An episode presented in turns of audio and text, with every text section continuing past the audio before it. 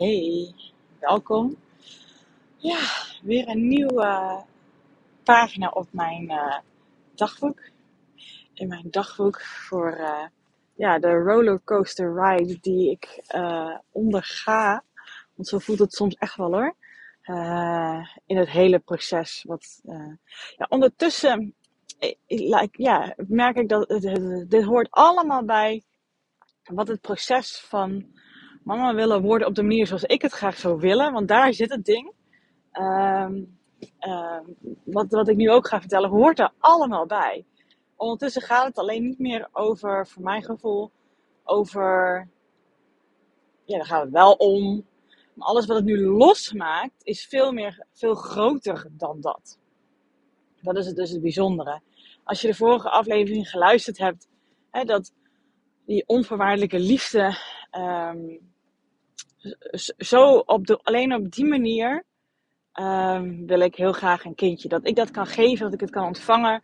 Dat ik op die manier um, zwanger mag worden. Ja, een kindje in ons leven mag welkomen. En ik weet gewoon daardoor, nou dat zei ik dus in de vorige afleveringen.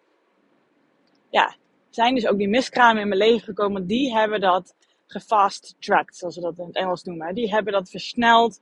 En hoe jongens, niet normaal hoe ik in een jaar intern veranderd ben, dat is niet normaal. In mijn hele leven ben ik nog nooit zo'n, ja, het is echt een rollercoaster ook echt ingegaan. Ik heb van alles heus wel meegemaakt in mijn leven die absoluut wel um, veel voor mij betekend hebben. Ik bedoel, ik ben overspannen geraakt, mijn onderneming, ondernemerschap heeft voor mij veel betekend in mijn ontwikkeling. Maar by far is dit wat um, de grootste identiteitsverandering die ik wil, uh, heeft gerealiseerd. En I'm still in it. Weet je, het gebeurt nog steeds. Het, het, het, is nog steeds gaande. En ik krijg er, als ik het zeg, als een van warm gevoel en uh, tintelingen. Wel uh, van. Ja, ik ben er zo dankbaar voor. Maar het gaat gepaard ook in mijn relatie. Dat je ook echt denkt, jongens zeg. Met zulke mooie dingen. Hele mooie dingen. Hoe ik vroeger, uh, als ik mijn emoties moeilijk kon hanteren. Uh, dat ik dan van Bas eigenlijk gevraagd had vroeger. Je moet dan echt, zodra ik een beetje boos word, geïrriteerd word, emotioneel word je moet er als de kip erbij zijn, want als je me alleen laat met die emoties, dan kan ik zo negatief gaan spiralen. En dan kom ik er heel moeilijk uit. Dus als jij nou een soort van de redder gaat uithangen voor mij, en mij gaat helpen, met mij gaat praten, me gaat sussen, knuffel gaat geven, dingen gaat oplossen voor mij, dan kom ik er wel uit. En dat heeft hij echt met, oh, het is zo leuk dat ik dit nu ook zeg. We hebben net ook zo'n aanvaring gehad, die vertel ik straks wel even. Want die hoort hier ook bij. Maar ik voel nu opeens zoveel liefde voor hem. Ik denk, oh, ik heb hem net wel een beetje hard behandeld. Uh, maar dat hoort bij mijn proces. Dus soms is het een beetje mijn punching bag. Um, nee, niet fysiek uiteraard. Maar dat snap je wel. Maar ja, dat heeft hij Ja, hij, hij is altijd iemand... Hem moet je altijd met rust laten. Met zijn emoties. Want als je het erover gaat hebben... Dan uh, komt het ja, natuurlijk boven. Hij, hij heeft een hele goede strategie om dingen te verdringen. Dus hij zegt altijd van... Het kost me zoveel energie om dat te bespreken. Om daar helemaal in te gaan. Hij ziet het nut er niet altijd van in. Zoals hij het wel doet, dan voelt het altijd wel als een opluchting. Um, maar dat moest hij altijd van mij doen. En dat heeft hem ook even een tijdje gekost om dat te kunnen doen. Nou, toen heeft hij dat een tijd echt wel lang goed voor mij kunnen doen. Super lief. Maar door dit hele proces, ja, de zaakjes moest ik wel. Ben ik echt soort van ge, ge, ge, getrokken in dit proces. Um, en ook ja, hoe ik met mijn emoties omgaat. Want je snapt zelf ook wel, en wie weet, ja, heb je helaas ook diezelfde ervaring als ik gehad? Of heeft het ook bij jou zo ingehakt? Of ken je een situatie die er zo heeft ingehakt? Ja, om dat echt te kunnen verwerken, de zaakjes, moet je wel door een bepaald proces. En toen ik in die miskamer zat, toen dacht ik nog, die eerste miskamer heb ik heel goed verwerkt. En die tweede, inderdaad, anders. Dat klopt ook. Dat klopt ook helemaal. Want die eerste, ja, het was ook gewoon veel te vroeg voor mij. Het, het, het, uh, Ik was zo, gewoon zo'n newbie, uh, voor mijn gevoel. Ik was er heel blij mee, maar het voelde nog ik, oh, oké, klein meisje in een grote mensenwereld. En toen gebeurde het. En toen was ik wel echt, nou ja, dat gaf me wel de bevestiging dat ik het heel graag wilde. En ik heb er echt om gerouwd. Ik heb vrijgenomen. Ik heb afspraak afgezegd. Ik heb echt al bijna een week de tijd voor genomen. Alleen dingen gedaan waar ik klaar voor was. En heel veel met mijn uh, knuffeltje die ik Bas had gegeven. Als teken van dat ik zwanger was. Dat een uh, inside uh, joke iets. Op de bank gelegen met mijn dekentje. En de tranen hem laten vloeien als ze er voelde opkomen. Met iedereen kunnen bespreken. Ik heb het volgens mij echt goed kunnen helen. En die tweede heeft er dus zo ontzettend ingehakt. Um, en ik heb me ook mijn ogen er een beetje voor gesloten. Ik, ik heb geloof die dag dat het gebeurde, ben ik ook nog gaan werken. Ik wist dat het eraan zat te komen. Ik sloot me ervan af. Die dag heb ik wel, toen ik thuis kwam, echt immens gehuild. Ontzettend. Maar ik ben de dag daarna gewoon gaan werken. En het heel erg aan de kant geduwd. Een beetje hoe ze van mannen doet. En uh, heus echt wel mensen over gehad. Maar ja, die, en, ook mijn lijf, die heeft heel veel moeite gehad om, om het dus miskraam te verwerken. Dat is echt, nou ja, dat, heb ik in heel veel afleveringen gehad. Maar intussen, ook op emotioneel niveau, ben ik dus ook daardoor heel erg die reis ingegaan. Dat ondertussen ik mezelf heb aangeleerd hoe ik mezelf kan kalmeren. Ik ben gewoon steeds meer ja, de volwassene geworden op dit gebied. Ook emotionele volwassenheid. Als we, ja, in zo'n groot proces hierin gegaan. Dat ik nu juist inderdaad, omdat ik het zelf kan, alleen gelaten worden om dat te kunnen doen. Maar als hij dan weer die oude strategie gaat toepassen die ik vroeger altijd wilde, dan zit hij een beetje in mijn weg. en dan uh, raak ik daar geïrriteerd van, want ik wil het graag zelf kunnen. Ik weet dat ik het zelf kan. En um, ja, ik voel me dan een beetje gekleineerd of zo. Dat, dat Bas me maar dan moet gaan redden. Terwijl als je er van een afstandje naar gaat kijken, dit is precies wat ik aan hem gevraagd heb om te doen. Alleen hij moet, hij weet ook niet, ja, ik deel heel veel met hem. Maar hij weet ook niet wat er allemaal precies bij mij binnen gebeurt en hoe dat nu is. Ik zeg het hem wel, maar hij moet ook even weer aan wennen dat het nu anders is. Daar moet hij ook even aan wennen. En vanochtend bijvoorbeeld, ik zit nu in de auto, zoals je misschien ook hoort. Vanochtend bijvoorbeeld, uh, ja, ik, eh, ik uh, ging op de fiets naar de trein uh, naar Utrecht, waar ik ehm, coach, loopbaancoaching. En ehm, nou ja, ik fiets daar. Eh, ik fiets, ik kom daar aan. Ik zie allemaal mensen bij het bord staan. Ik denk, oh, oh. Nou ja, ik zag dat er een aanrijding was, wat natuurlijk super uh, ja, heftig is. Uh, maar op dat moment, dat ken je misschien zelf ook wel, dan ben je vooral bezig met kak, het zit in de weg van mijn reis. Uh, ja, stom eigenlijk, nu ik dat ook zo zeg. En vroeger zou ik er echt heel erg geïrriteerd door worden, boos op worden. Ja, goddomme, ben ik te laat? De, laat ik me daar heel door laten leiden. Klanten willen teleurgesteld worden. Ik maak het veel groter dan het was. Nu denk ik, ja joh, prima, dit is gebeurd. Uh, ik heb gelijk even een berichtje gestuurd aan mijn eerste klant. En ik heb gezegd, joh, um, ja, de trein wordt hem niet. Dus ik kom met de auto. Dat betekent dat ik waarschijnlijk een kwartiertje later ben. Want ik moet eerst terugfietsen en dan de auto pakken. En uh, nou ja, de rit van huis met de auto is net zo lang als met de fiets en de trein en lopen. daarom ga ik meestal met de trein. Ik even lekker werken. En dus dat heb ik gestuurd. Nou, onderweg toen naar huis fietsen, belde hij mij dat ik ziek wakker was geworden. Dus nou, die afspraak is sowieso afgezegd. Dus ik heb nu ook wat meer ruimte in mijn agenda en ook in mijn hoofd. Uh, maar toen kwam ik dus thuis en ja, op de fiets merkte ik al van banden niet zo heel erg lekker waren. Niet, uh, die leken bijna wel lek, joh. Of, of in ieder geval heel erg leeg. Dus ik denk, ik ga nu, ik heb nu de tijd, um, mijn banden oppompen. Voor en achter. Um, alleen wij hebben een hond en die heeft best wel wat verlatingsangst. En die kan er heel moeilijk, ja, die kan zichzelf nog niet kalmeren. Wat ik dus mezelf heb geleerd. Heeft zij, ja, er zit heel veel stress bij haar op. Dat zij zichzelf nog niet leren door alles wat ze heeft meegemaakt. Dus die begint te blaffen en te piepen en te springen en heel veel lawaai te maken. Omdat ze mij hoort, en maar ze mag niet bij mij zijn. Want er zit een deur tussen. Nou, dat, dat, brengt ook weer ergernis van mij naar boven. Ik weet dat als ik er rustiger in ben, dat ze mijn energie kan voelen. Want zo gelinkt zijn wij. En uh, dat probeerde ik ook te doen, maar dat lukte niet helemaal. Dat komt ook omdat ik ook in mijn hoofd zat met... Ja, uh, mijn man Bas, die vindt het hartstikke irritant. Um, hoe kan ik nou echt die rust haar geven? Als ik ook nog zeg van de irritatie... Ja, waarschijnlijk ga oppakken of... of, of dat ik geïrriteerd ben, dat mijn man geïrriteerd is met het blaffen en dat hij boos op mij wordt. Nou, heel dat gedoe. Uh, maar wat gebeurde dus? Ik probeerde mezelf te kalmeren. Ik hoor daar ook af en toe rustiger worden. Op een gegeven moment ja, deed mijn man de voordeur open en eh, ja, de hond kwam dus naar buiten en de voordeur weer dicht. Nou, wat laaide het voor mij op hoor. Toen dacht ik echt, jezus man. Ik werd toen echt boos. Nou, ik ga mijn banden oppompen, de hond erbij, maar ik gaf er geen aandacht aan. Nou, ik weer naar binnen. En eh, we waren allebei super boos en geïrriteerd. Ja, het heeft geen zin om heel de ruzie uit te leggen. Maar waar het ook om gaat, heel lang inleiding. Maar dan snap je ook, weet je, dit soort dingen gebeuren waarschijnlijk op een andere manier, waarschijnlijk ook wel bij jou. En dat hoort bij groei, dat hoort er gewoon allemaal bij, in mijn beleving hoor. Is dat die kleine Judith, die door dat hele proces van die tweede miskraam, en nu zo, zo, en dan ook nog zo erg is, dat op momenten, op de plekken waar ik emotioneel niet volwassen ben geworden, waar ik allemaal muurtjes opgetrokken heb, mezelf heb beschermd, kopingsmechanismen heb ingesteld. Uh, nu durf ik gewoon veel meer mezelf te zijn, mezelf uit te spreken, mijn gevoel serieus te nemen, mezelf serieus te nemen, behoeften serieus te nemen. En soms ga ik er dus nog wel eens in de overdrive in, omdat het iets is wat hij maar raakt. Want dan gaat hij dus weer hetzelfde doen.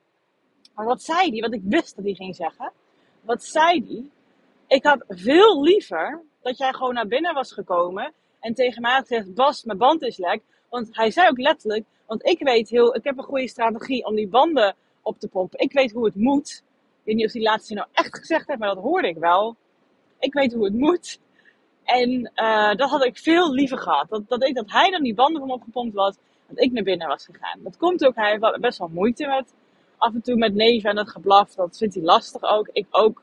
Het is ook echt ik denk dat het, ik heb geen idee hoe het is, maar het zal waarschijnlijk hetzelfde kunnen zijn als een baby huilen. Misschien is het ietsje minder. Maar er is gewoon iemand in nood, zo, zo gedragen ze zich in ieder geval wel.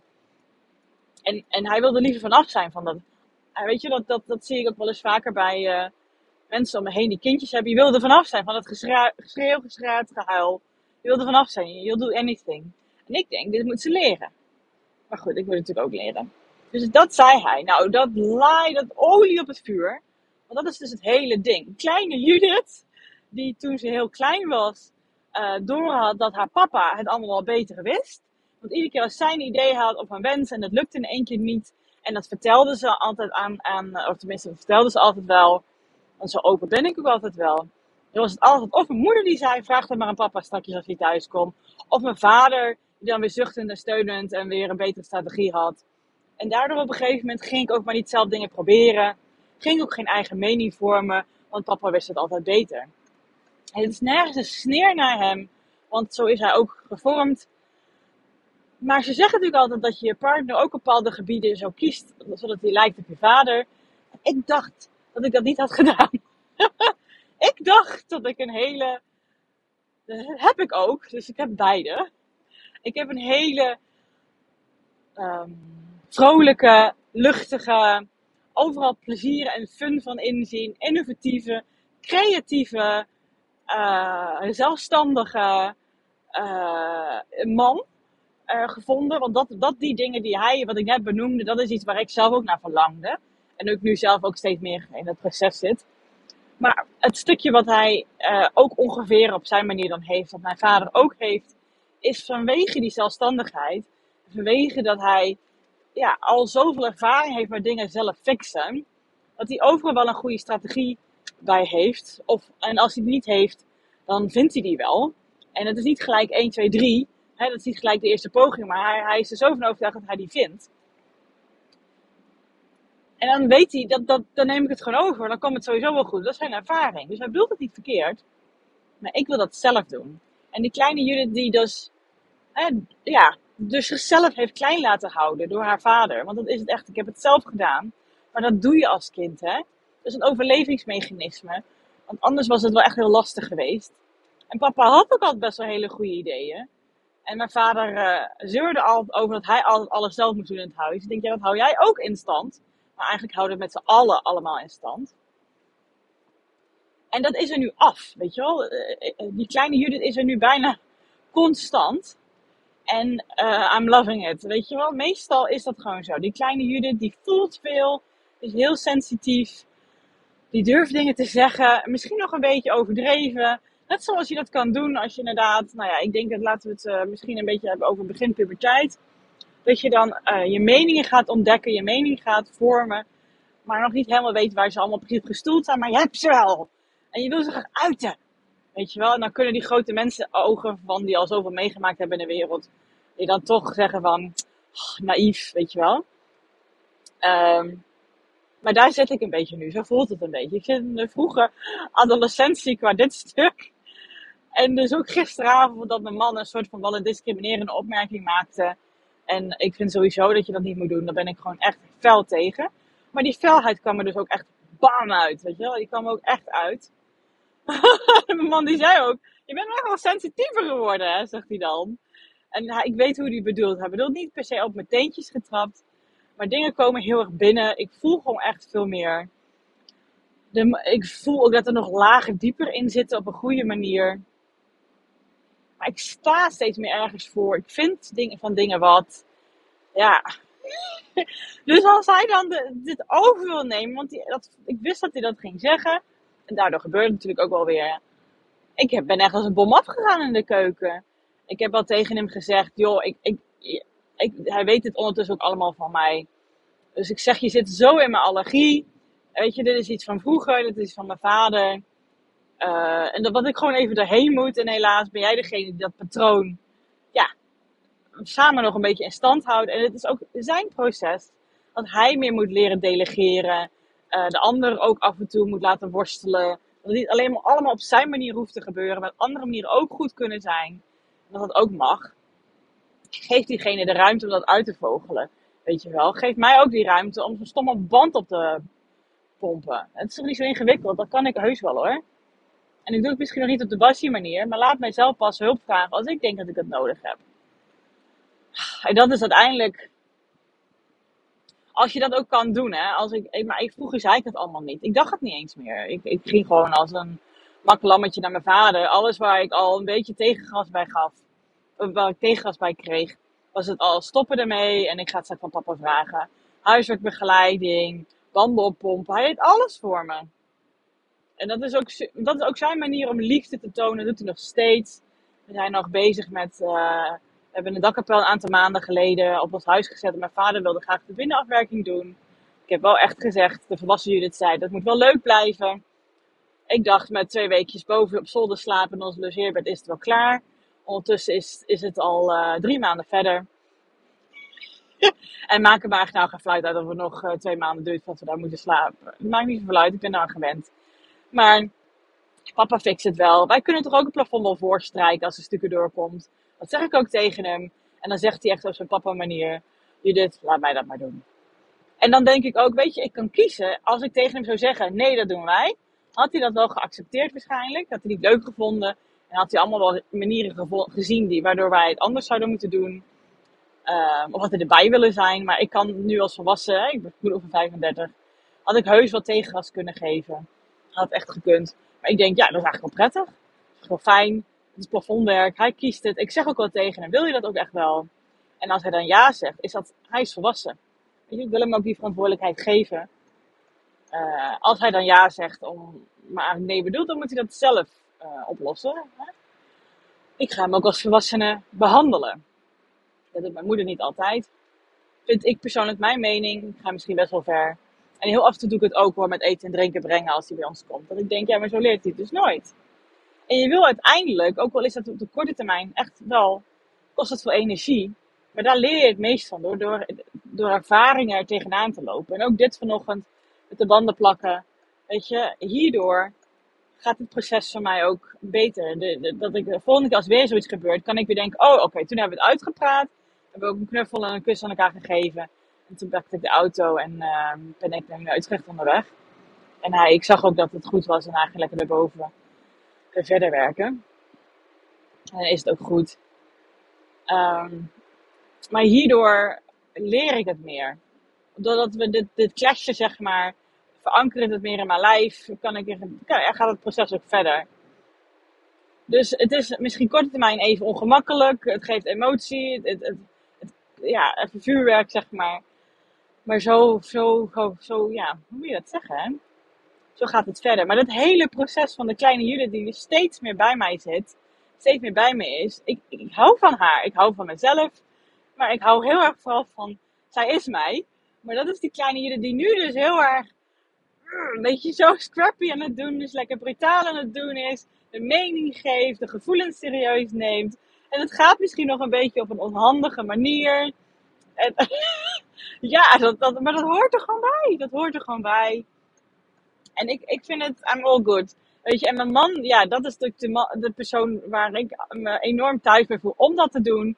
Kijk, als uh, schoonouders iets zeggen of doen, dan kies ik er gewoon soms voor om er niks van te zeggen. Omdat ik ook denk, ja, weet je, dat, dat, dat zijn ook volwassen mensen. En ik wil hen ook niet, ik wil hen ook niet veranderen. Weet je, dat is het ook niet per se. Nee, dat is het ook niet per se. Ik zou het liever wel anders zien. Uh, er zijn grenzen hoor, er zijn grenzen. Echt hoor. Uh, dan moet ik gewoon zo, ook omdat ik denk, ja, ik heb er vroeger wel eens wat van gezegd. Uh, maar de manier waarop dat ik het zei, dus misschien wie weet kan ik er toch wel eens een keer wat van zeggen. Op de manier die ik het nu kan doen. Wie weet wat er dan gebeurt. Maar mijn man, ik, ja, ik zei het gisteren ook tegen hem. Ik heb jou zoveel hoger zitten, weet je wel. En ik verwacht gewoon niet van jou dat je dat soort opmerkingen maakt. Discriminerende opmerkingen. En dan zegt hij wel van, ja, dat is toch een grapje. Ik zeg, joh, weet je, als het zo luchtig is, als het niet eens echt een mening is, waarom moet je hier dan grapjes over maken? Het staat toch nergens op? En dan zegt hij dingen als, ja, maar die persoon was er toch niet hierbij? Geen heeft toch niet gehoord? Ik zeg, ja, maar ik hoorde het wel. En ik wil gewoon niet met zo ja, dat, dat laatste heb ik dus niet gezegd wat ik nu wil zeggen. Maar dat bedoel ik eigenlijk wel. Ik wil niet met zo iemand getrouwd zijn die er zo in staat. Dat wil ik niet. En daar komt die kleine Judith weer naar boven. Hier sta ik voor. Ik wil me omringen met mensen. Niet per se die het zien zoals ik zie op het leven sta. Ik, nee, dat is het niet. Maar ik vind dat er grenzen zijn in hoe je met mensen omgaat. Of ze nou wel of niet in de ruimte zijn. Er zijn ook zoveel mensen die me allemaal dishen op internet over meningen. En denken dat ze gewoon het recht hebben om het allemaal te zeggen. Dat durven ze ook echt niet tegen hun te zeggen als die voor hun staan hoor. Dus als je niet tegen iemand kan zeggen die voor je staat, kom op man, zeg het dan gewoon sowieso niet. Zonder van je eigen energie. Nou, het is echt een rant dit hè. Dat had je niet verwacht bij deze dagboek misschien. Maar dit is de rollercoaster waar ik in zit en wat het voor mij allemaal teweeg heeft gebracht. En waar ik nu ook aan moet denken, afgelopen, ehm, wanneer was het, doe je, uh, woensdagavond, toen, uh, uh, moet even van de rijbaan wisselen, ik zit zo in mijn verhaal. Ja, we gaan goed. Toen ik ging een intervisie voor mijn loopbaangroep, mijn loopbaanintervisiegroep van NOLOC. Een vakgroep, zeg maar, voor loopbaancoaches. En dan had degene die het hier um, voor zat, zeg maar, voorzitter was, die doet dan iets van een opening. En ze had nu een schaal met allemaal um, briefjes erop. En die kon je dan pakken. En er stond een vraag op. En er stond bij mij een vraag op. Hoe zet je afstand en nabijheid in in je coaching? Ik dacht eerst, ja, Judith, kleine Judith dacht, ja, stomme vraag, stomme vraag. Maar dan ga je, ja, je wilt toch meedoen. Dus je gaat dan toch erover hebben. En toen, toen, toen kwam het bij mij binnen. Dat ik denk, aha, die nabijheid zet ik steeds meer in in mijn coaching dat is ook hoe ik wil coachen. Die klein, dat bedoel ik met de kleine Judith. Alles wat in mij gebeurt, die kleine Judith die boven komt, die dus dingen voelt, die dus dingen opmerkt en dat serieus nemen. Dat is waar mijn kracht, mijn next level qua coaching in zit, mijn next level qua leven in zit, mijn next level qua, ja, dus alles, contact met mensen in zit. En dat voelt zo goed. Dus hoe meer ik haar omarm en hoe meer ik haar inzet ook en naar haar luister en samen dit doe met haar, uh, hoe toffer het ook is, hoe meer plezier ik er ook in is, hoeveel meer energie het me geeft, hoeveel meer kwaliteit ik in mijn coaching kan bieden, hoeveel meer kwaliteit ik in mijn leven heb, ook gaat het een beetje met horten en stoten en fireworks en dat soort dingen. Maar dit is voor mij de manier hoe ik wil leven, hoe ik het wil aangaan. En, en dat wil ik op alle vlakken doen. En dat heeft dit hele proces, wat bizar hè, zo in werking gezet. Ik ben zo, zo, zo dankbaar dat dit gebeurd is. En wie had gedacht dat ik dit ging zeggen? Als ik had geweten, een jaar geleden, dat ik dit zou allemaal zo zeggen, zou ik op theorie misschien wel kunnen zeggen van, ja natuurlijk, dingen die vervelend zijn in je leven, die brengen je heel veel. Met mijn hoofd had ik het allemaal wel gesnapt en begrepen. Op deze, ik vertelde ook wel eens dit soort dingen aan mijn man. En hij reageert ook heel erg qua hoofdconcept erop. Maar omdat het niet zijn proces is, kan hij er ook niet zo op reageren. Dus het is allemaal goed. Het is allemaal oké. Dat hoort er allemaal bij. Zo zie ik het ook echt wel. Dit is echt mijn proces. Die dit allemaal geparticuleerd heeft. Ik zit allemaal met Engelse woorden in mijn hoofd. Ik probeer het aan Nederlands te maken. Maar dit heeft het echt soort van gelanceerd, dit. En ik ben daar zo blij mee. En zoals ik het in de vorige aflevering ook zei. dit heb ik zelf gemanifesteerd. Want hoe ik nu mijn leven wil leiden, ik doe het al. En het gaat, wat ik al zeg, met horten en stoten, met dus van puur gedrag, naïviteit, maar ik doe het wel. Ik ben die kleine Judith steeds meer aan het integreren in mijn leven. En I'm loving it. en samen doen we dit. Ja, en ik hou van haar. Ik ben zo blij dat, dat, dat, dat zij dit nu ook durft. Want heel lang heeft ze dit niet gedurfd. Heel lang heb ik het ook niet gedurfd. Heel soms in de coaching zie ik ook die kant bij iemand tegenover me. En dan voel ik het weer van, oh, dit is zo immens. Het kan zoveel grootsheid betekenen. En grootsheid qua kracht en levensenergie en diepgang in je leven. En dat is om gewoon, ook dat is soms gewoon zo spannend. Ik ben zo lang bang geweest om, of zij is ook zo lang bang geweest om te falen. Maar achteraf, en dat heeft ook een keer mijn eigen coach gezegd, is het meer de angst om echt op deze manier te gaan leven. Soort van bang voor jezelf of zo. Bang voor de levensenergie die uit je komt. En dat je soms dat wel eens gaat denken, oh, jezus, zit dat in mij? Die kracht, die, my god, weet je wel. En hoe ik het ook allemaal zeg, ik voel gewoon constant wat gevoel in mijn buik, constant oh, wel door mijn benen, lijf, armen, alles gaan. Omdat ik zo voel dat het waar is, voor mij in ieder geval. Dus als het niet resoneert bij jou, weet je, prima, dat is ook oké. Okay. Jij hebt je eigen proces en naast elkaar leven die. En jij hebt ook jouw eigen proces, ga ik vanuit, dat hoop ik eigenlijk voor je, dat door wat jij meemaakt, want anders luister je het ook niet in, in de kinderwens. En hoe meer je het dus aangaat, dat is ook echt een reden waarom ik het ook in de podcast wil delen. Hoe meer je het durft aan te gaan, dan hoop ik gewoon dat ik er een voorbeeld in ben wat er dan kan gebeuren. En het gaat erom wat er voor jou nodig is. En ik denk ook daarom dat het zo, uh, lang moet ik niet gebruiken, maar waarom het, uh, het nog niet gelukt is ook weer niet het goede woord. Maar waarom um, ons kindje nog niet is en waarom ik nog niet zwanger ben, is omdat ik gewoon zo duidelijk voel in het diepste van, van mijn wezen. Het klinkt echt zo stom, maar dat is het wel hoe ik het voel. Dat ik het alleen maar op deze manier wil doen. Op deze manier wil ik leven. En op deze manier wil ik ook dat mijn kindje verwekt wordt en verwelkomd wordt in de wereld. En dat ik zwanger ben. En dat ik hier een voorbeeld in mag zijn. Ja, dat is het ook. Dat ik hierin een voorbeeld mag zijn voor hem of haar.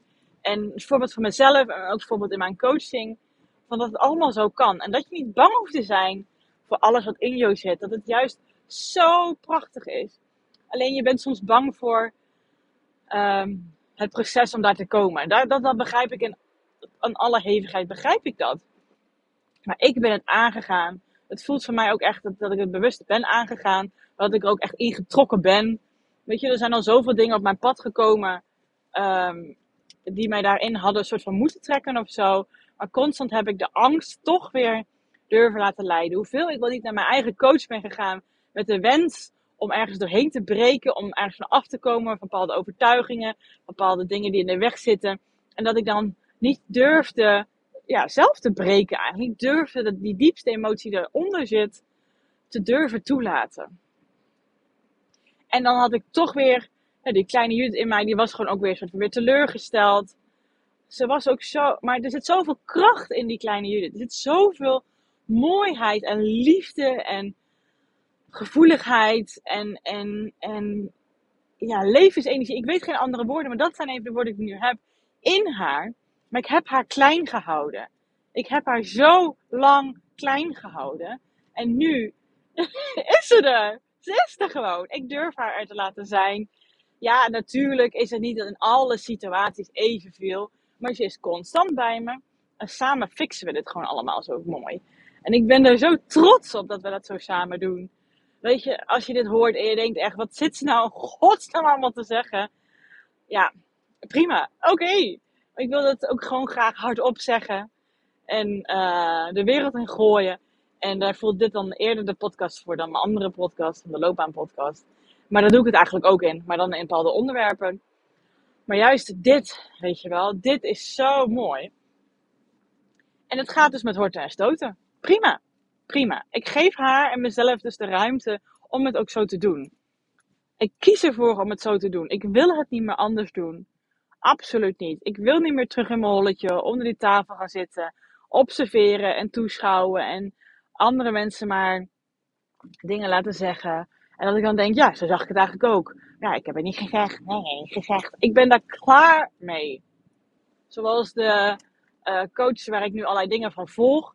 En ook straks, uh, daar geloof ik gewoon in, een soort van business traject in mee ga. Die zei ook van, als je klaar bent met kutten, moet je uh, dit traject gaan volgen. En, ik, en, ik toen, en die voelde ik zo erg. ik bedoel het echt niet seksistisch. Maar dat is het gewoon. Je zit soms zo te kutten. Je zit zo je aandacht te leggen op de dingen die je niet toe doen. Maar dat doe je om jezelf te beschermen. Om smoesjes te verzinnen. En, uit, en al die hevigheid die ik nu allemaal voel. Ik voel gewoon zoveel. Um, ja, komt het allemaal naar buiten. Ik weet nog, uh, afgelopen zaterdag, het komt allemaal hè. Afgelopen zaterdag uh, hebben wij een escape room gedaan. Met uh, twee vrienden, hartstikke leuk, gewoon een stel zeg maar. En daarna zijn we gaan eten. heel leuk. En ze hadden het restaurant ook uitgekozen. En ook gewoon hoe ik die escape room doe. Ja, ik ben daar niet het talent voor, zeg maar. Ik vind het, het proces gewoon heel erg leuk. Mijn man is daar echt gewoon heel goed in. Wat heel fanatiek is. Maar goed, daardoor kan hij iets soms vergeten dat teamwork is, zeg maar. En ik ben veel meer op het proces gericht. Joh, ik ben ook coach, hè. Um, en door het proces zo aan te gaan, krijg je resultaten. Uh, maar ik kan er gewoon zo van genieten hoe mooi die escape room opgebouwd is. Hoe ik iedereen zo zie samenwerken. Ik vind het dan wel leuk dat ik een paar dingen ook zelf uh, zie en uitvogel, waardoor we verder komen. Maar ik hoef niet de, degene te zijn die de meeste dingen oplost, zeg maar. Dat hoeft niet uh, van mij. En zo zit ik er dan ook in. Ik kan gewoon, ja, gewoon echt van genieten van het proces. Heerlijk. Daarna zijn we het eten geweest. En nou, ik ging met die vriendin vooral in gesprek en mijn man met haar man. En op een gegeven moment werden het dus van vier gesprekken waarin hij aan het vertellen was dat hij heel graag voor zichzelf wil beginnen. Maar daar heeft hij het ook al jaren over, weet je wel. En hij heeft iedere keer, zegt hij dan, ja, maar de kinderen zijn nu jong. En ik kan ze dan niet die stabiliteit geven qua financiën uh, die ik nu heb. Maar dat zegt hij al jaren. Ik denk, ja, en ik, ja, kleine Judith was er weer. En ik zei, ik keek hem aan met al mijn hevigheid. Ik zeg, hou op met die smoesjes. Zei ik zo tegen hem. Dat was zo leuk. En ik, die zag hem zo kijken naar mij. En zei, wat? Dat zegt ze niet normaal nooit. Maar mijn vriendin zat met van oor tot oor te smilen.